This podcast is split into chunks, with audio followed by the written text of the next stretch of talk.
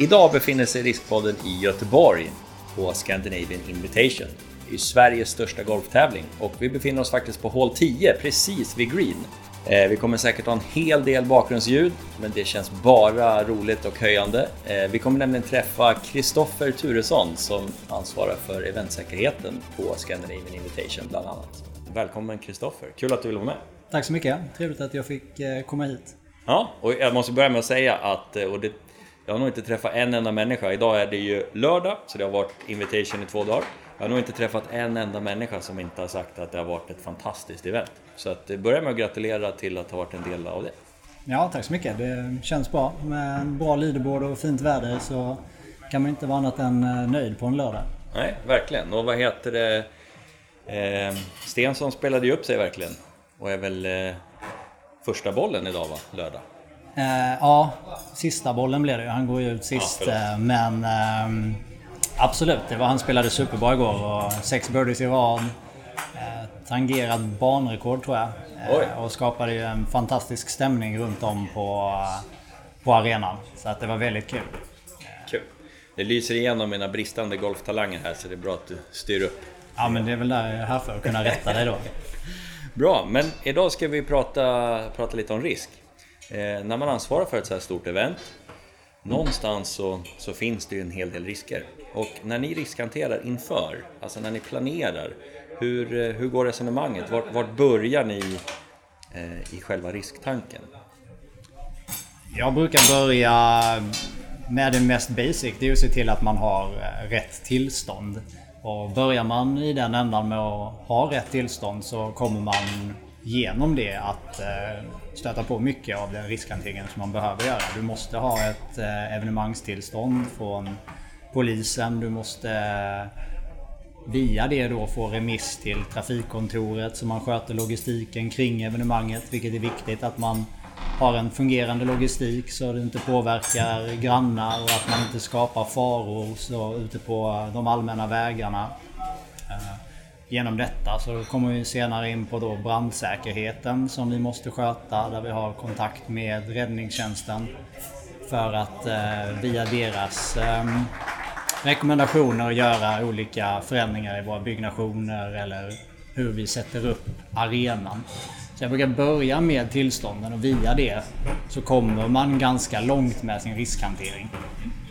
Sen om man efter det kan man ju börja kolla lite mer på publikflöden. Vad finns det för risker på banan? Finns det ehm, ja, potentiella ställen där folk kan skada sig på? Hur kan vi minimera det och minimera att folk kommer in på områden där, de, där det finns en risk att de skadar sig? Och där även polisiära insatser, se till att eh, räddningsvägar är fria, att vi har möjlighet att ta in den personalen vi behöver och få in räddningstjänst, få in polis vid eventuella incidenter. Även att vi har klara och tydliga dokument som alla har tagit del av vad, vad de ska göra vid eh, olika situationer. Hur stort, eh, eh, hur stort är det team som hjälper dig att jobba med de här sakerna? Jag antar att det både är eh, konsulter, leverantörer och, och även kollegor helt enkelt. Ja, i själva staging-teamet är vi eh, fyra stycken som jobbar med det på helår och sen har vi fyra stycken som kommer in under evenemanget. Sen har vi då eh, även, alltså vi har ju volontärer, vi har nästan 750 volontärer på plats som alla spelar en roll i att göra det till ett tryggt och säkert evenemang för våra besökare. Eh, så vi måste utbilda dem i vad de ska göra och hur de ska agera. Mm. Sen har vi naturligtvis hjälp av eh, leverantörer såsom vi, vi jobbar ju med Presto eh, med brandsäkerheten här. Eh, vi jobbar med Securitas för att ha bevakningen på plats. Och lite beroende på var man är regionalt så har vi även en mer eller mindre kontakt med polisen. På mindre orter har man kanske en närmare kontakt med myndigheterna eh, eftersom att de har det är det största som händer för dem. Medan i storstadsregionerna så har de väldigt många olika evenemang som de måste ta hänsyn till. Därav så eh, är det svårare för dem att avsätta resurser till. Mm.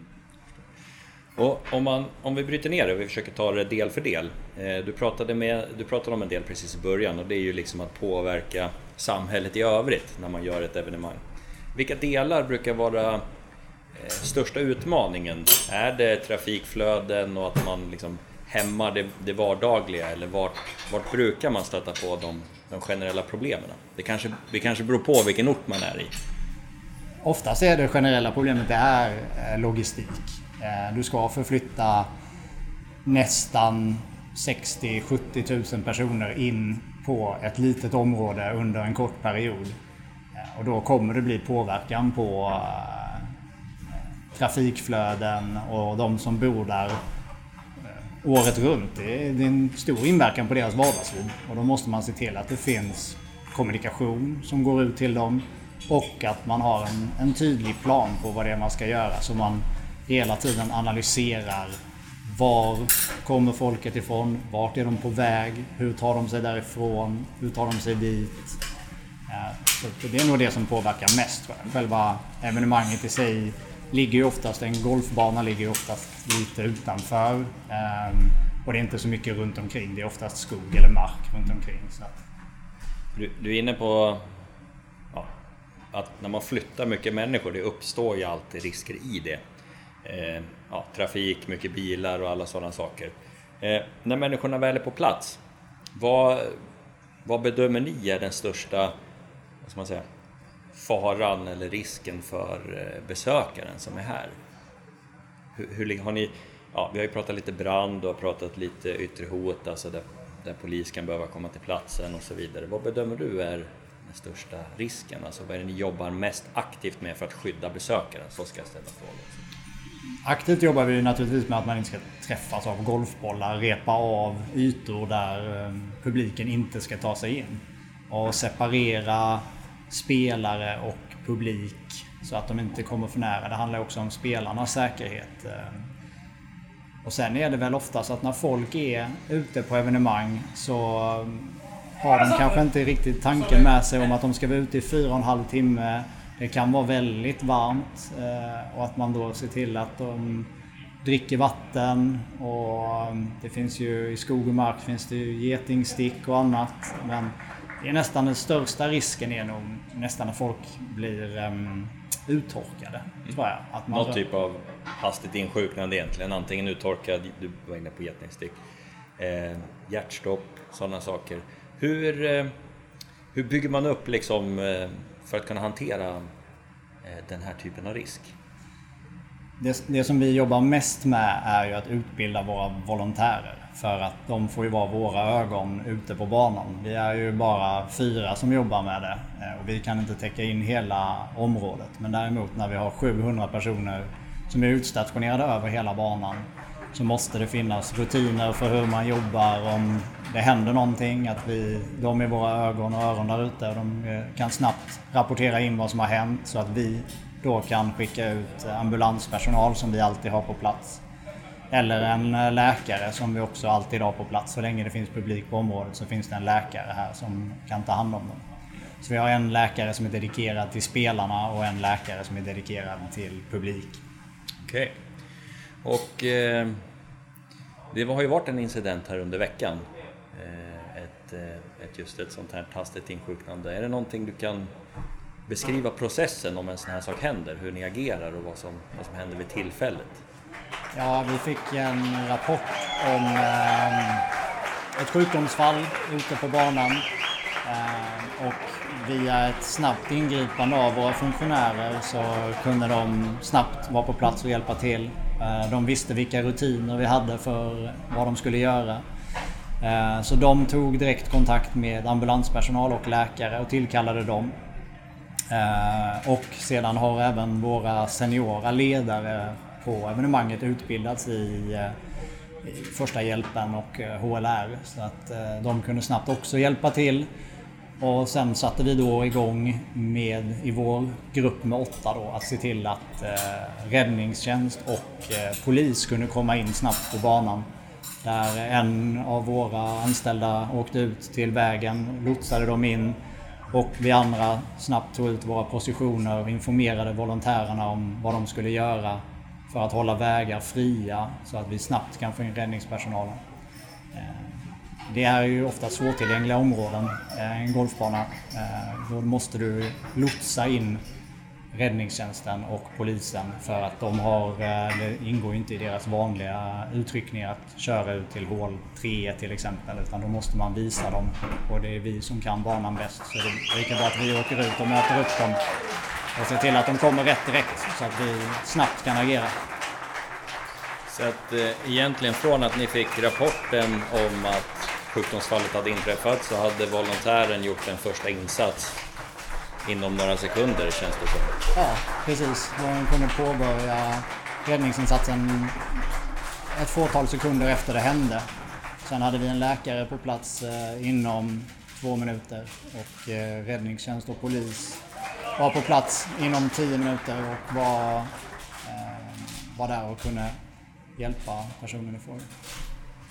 Det är ju fantastiskt. Ja, det är bra när det fungerar enligt de rutinerna vi har. Det, det är alltid det vi strävar efter. Det är ju verkligen som du säger, när man har bra rutiner och det förebyggande arbetet fungerar, då blir det ju oftast väldigt bra insatser när, de, när första insatsen verkligen behövs. Så att säga. Eh, runt om på eventet i övrigt så är det ju en hel del, det finns en del läktare, det är ju en del VIP-tält, det är en del allmänna tält, eh, det är en del restauranger och, och liknande. Så det blir ganska, det kan ju bli stora folksamlingar runt om vissa områden. Eh, hur jobbar man med, med liksom mängden människor på plats eh, vid de ställena? Det är lite svårt att planera var alla människorna ska gå. Eh, det handlar ju mycket på evenemang om vad som händer men ehm, eh, Stora bollar som Henrik som spelar nu tillsammans med Fitzpatrick. Då vet vi att det är mycket folk. Då tar vi direkt och skickar ut fler människor till våra samlingsytor som vi har en publik bar på hål 12 och på hål 17. Och då ser vi till att ha mycket folk där när de går förbi. Sen jobbar vi med vår brandsäkerhet utifrån hur mycket folk vi förväntar oss att ha på de olika ställena. Ehm, vi sätter upp eh, brandsläckare, vi har utrymningsplaner, vi har utrymningsbelysning ehm, eh, och så i de tälten. Eh, vi har i alla våra tält. Det finns ju ett krav på att alla samlingstält över 150 personer behöver ha larm till exempel. Och de behöver även ha Eh, släckare, de behöver ha utrymningsplaner. Så att de planerna börjar jag ganska tidigt med när jag har gjort eh, planen för hur arenan ska se ut. Och sen eh, då tar vi det via våra leverantörer som vi jobbar med och kollar hur kan vi få fram de här grejerna och har ni några åsikter om vad vi skulle kunna göra bättre?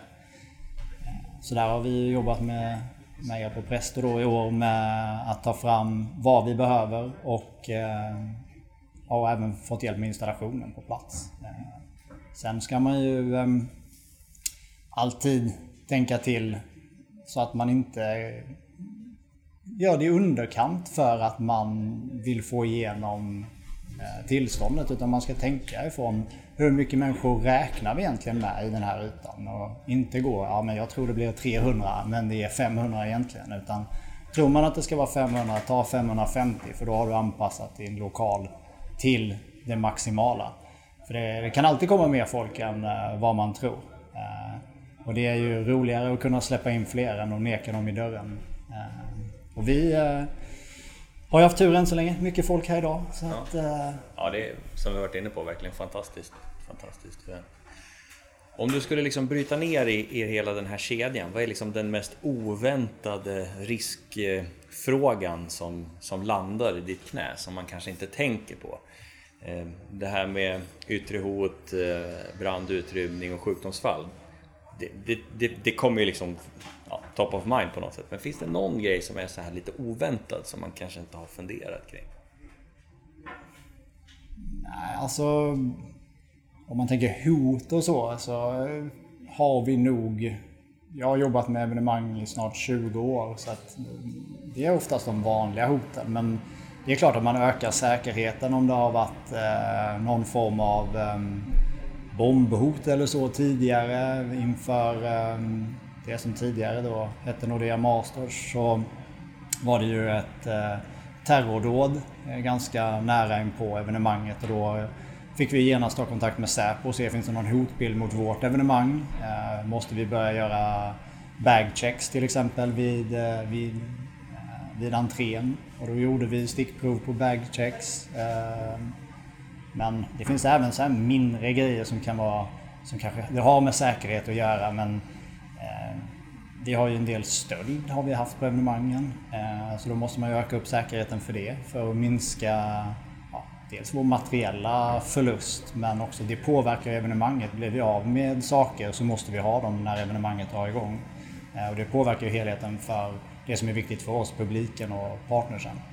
Eh, sen har det varit något år så var det väldigt mycket snack om att spelare hade fel inställning på sin driver. Att någon hade mixtrat med deras drivers på kvällen. Så folk går ut på första tio och slår ut och tänker att den här gick inte alls dit jag ville. Och så kollar de på sin inställning på drivern och då är den helt annorlunda. Okej. Okay. Då får man ju sätta in uh, övervakning i eh, Bagstore på natten för att se om det är någon som varit inne och pillat där. Jag tror att det var någon som pratade om att han hade blivit av med sin eh, signerade The Open-flagga av eh, Garcia när han hade vunnit den. Okay. Men eh, han hade nog faktiskt bara glömt den. Ja. ja, det är högt och lågt verkligen. Ja, det är väl det som är charmen med event också. Det är, det är allt från att se till att sopcontainrarna står där de är och det är rent och snyggt till att följa med på invigningsmingel och ja. prata i poddar på ja. håll 10. det är inte dåligt. Det kommer du komma ihåg som Scandinavian Invitations höjdpunkt. Ja men exakt. Skönt att stå och snacka lite och kolla golf. Ja, helt rätt. Eh, under de åren, du, som du berättade, du har ju lång erfarenhet av att vara med och arrangera event. Vad är den händelse som, ja, som du har tagit med dig? Har, har det varit någon incident som du liksom har burit med dig där du har känt att här lärde vi oss någonting. Det här ska vi jobba med ännu bättre i framtiden? Vi hade en brand i en container eh, nere i, eh, på en av eventen. Och mm, där lärde vi oss ganska mycket om hur vi arbetar snabbt men också att, eh, också att vara lite kreativ på något sätt för att vi hade, det började någon som slängde en cigarettfimp i en, eh, en container som började brinna. En av de killarna som jobbar med oss eh, under de flesta evenemangen är brandman.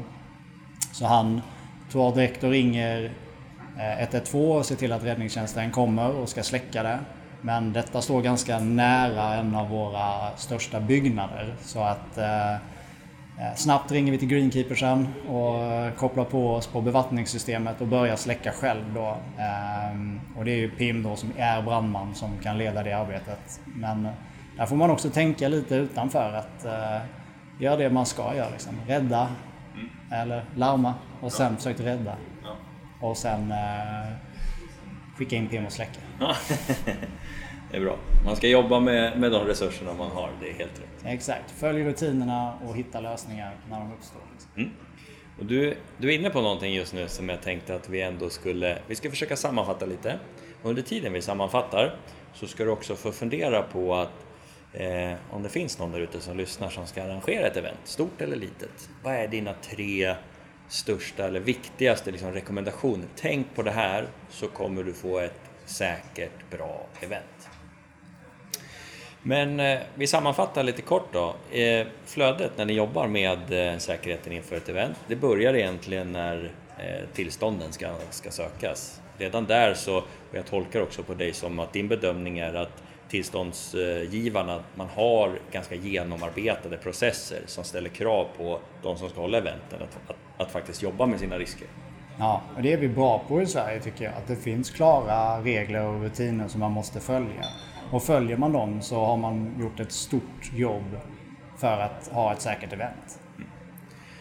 Och så kom vi in på, vi pratade lite om yttre hot, du berörde lite det här med att eh, det hade ju varit ett terrorattentat innan Nordea Masters tidigare och, och eh, eh det kan ju vara yttre hot i form av bombhot eller illvilliga människor som vill skada många och sådär. Och där sker eh, riskbedömning, riskhantering tillsammans med eh, polisen och eh, i vissa fall då även med Säpo förstod jag. Mm. Och då handlar det mycket om att se till att göra eventet tillgängligt för eh, polis och liknande. ja, man måste alltid se till att de kan få tillgång till eventet så snabbt som möjligt. Vi har haft högt uppsatta mm, personer på eh, något tennisevenemang som hade ett, eh, ett överfallslarm som är kopplat till Säpo. Ett, eh, som råkade dra detta mitt under vårt event. Så att eh, då hade vi fyra piketstyrkor som kom in. Och då fick vi stänga ner den delen där den här personen i fråga var. Då gäller det att snabbt hantera det och låta de som ska ta hand om de här typen av hot få komma in och göra det de ska. Så att man, man, man skapar bra förutsättningar för dem utan att själv ingripa. Eh, utan se till att skapa de bästa förutsättningarna för polisen att göra sitt jobb. Så löser de det som är deras jobb och tar hand om hoten. Sen nästa del du var lite inne på i, i god riskhantering och bra eventsäkerhet, det var ju eh, hastigt insjuknande av något slag eh, för eh, besökarna. Allt ifrån, jag tror vi pratade lite getingstick till eh, hjärtstopp, det kan vara diabetes, epilepsi, det kan ju vara precis vad som helst. Man kan snubbla och bryta benet och så vidare. Och här hade ni eh, utbildade volontärer för en förstahandsinsats och sen så eh, eventsjukvård i form av ambulans på plats. Och uppenbarligen, som du beskrev, väldigt goda rutiner som gör att, att insatskedjan blir väldigt kort. Tidsmässigt. Ja, rutinerna är nog det viktigaste, att det finns tydliga rutiner och att de är kommunicerade. Det mesta i, i allt man gör handlar det om kommunikation. Kommunicera tydligt och klart eh, och agera snabbt när någonting händer. Eh, men rutiner gör också att folk har enklare att fatta beslut. För det är oftast beslutsfattandet som tar tid. Eh, och när man har rutiner att följa så finns det, då går det snabbare i beslutsfattandet. Det finns en anledning till att de som ska jobba med det värsta som finns med, med, att försvara vårt land och krig, de har en väldigt tydlig hierarki och det är ju för att det ska vara snabba beslutsvägar. Ehm, och inte, vi är ingen hierarkisk organisation men vi har tydliga roller vid krishantering. I övrigt är den ganska platt men när det gäller krishantering så finns det en tydlig rollfördelning och en tydlig hierarki i vem som gör vad. Mm. Men du, du är inne på det. Om man tänker efter innan, när man är lugn och sansad, då kan man oftast tänka i fler scenarion än när man befinner sig i situationen och stresspåslaget är där. Sista delen då, om jag inte har missat något i sammanfattningen, så är det ju utrymning och brand egentligen. Eh, där har du gått igenom att eh, både gott samarbete med leverantörer men också kopplat till tillstånd och de gällande lagar och regler som finns. Vi är ju ett ganska regelstyrt land får man ju faktiskt säga. Eh, för att ta hand om ja, publikytorna, läktarplatser, tält och så vidare. Ja, där finns ju, där finns ju tydliga lagar och regler. Eh, ska tältet vara så här stort så behöver du den här typen av utrustning och du behöver den här typen av rutiner. Och ser man till att de finns på plats så har man kommit långt. Men det är samma där, utbilda alla som ska jobba i de olika tälten. Vad gör vi vid en eventuell nödsituation? Och sen så efter man har utbildat och berättat för folk vad de ska göra så håller man bara tummarna för att det inte händer. Eh, men man känner sig lite tryggare när man vet att det finns fler som kan agera vid, vid ett eventuellt eh, olycksfall. Bra! Tack för sammanfattningen. Eh, och det sista du skulle tänka på. Tre stycken tips till de som vill arrangera ett event. Vad ska man tänka på för att ha ett tryggt och säkert event? Först och främst ha kontakt med myndigheterna i tid. Eh, se till att man skickar in sin ansökning om tillstånd. Gör man det i god tid så eh, får man också vägledning därifrån på vad det är man behöver förbättra. För när du har gjort din plan och du skickar in den tidigt till, eh, till myndigheterna så kommer de olika remissinstanserna komma tillbaka med tips och råd och eh, lagar och regler som du måste följa. Eh, så var tidigt ute med att söka dina tillstånd för det ger dig tid att göra det så säkert som möjligt i samarbete med myndigheterna.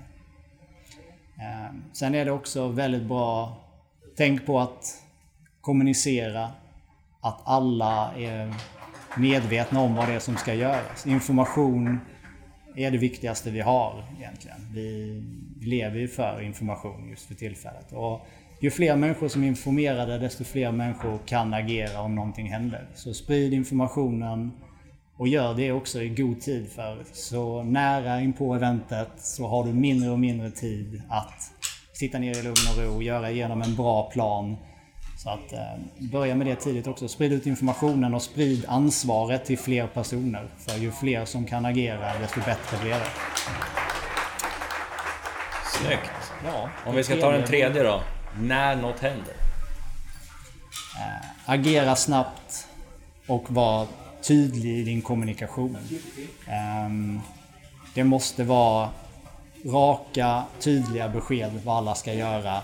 Och var inte rädd för att trampa någon på tårna eller att... Eh, utan det är bara att gå in och visa att det är du som bestämmer. Det är du som har gjort planen. Det är den planen som ska följas och den ska man inte avvika från. Utan håll dig till planen och kommunicera det starkt och tydligt till alla så att de vet vad de ska göra. Och sen efteråt kan man analysera och utvärdera. Men där och då så håll dig till planen. För det, det var den ni gjorde från början och den är troligtvis bäst. Sen kan man alltid improvisera på vägen men så länge man har en bra plan så håll dig till den och ändra inte den förrän efter ett eventuellt hot eller olycksfall. För då kan man utvärdera om det var en bra plan eller en dålig plan. Men man ändrar inte den mitt i utan då följer man den till punkt och pricka. Mm. Grymt! Tack så mycket för att du ville vara med Kristoffer. Tack så mycket, det var roligt. Ja, det riktigt var bra en, en härlig backdrop som vi förhoppningsvis ska ut och njuta av nu. Ja, helt klart. Tack så mycket. Tack!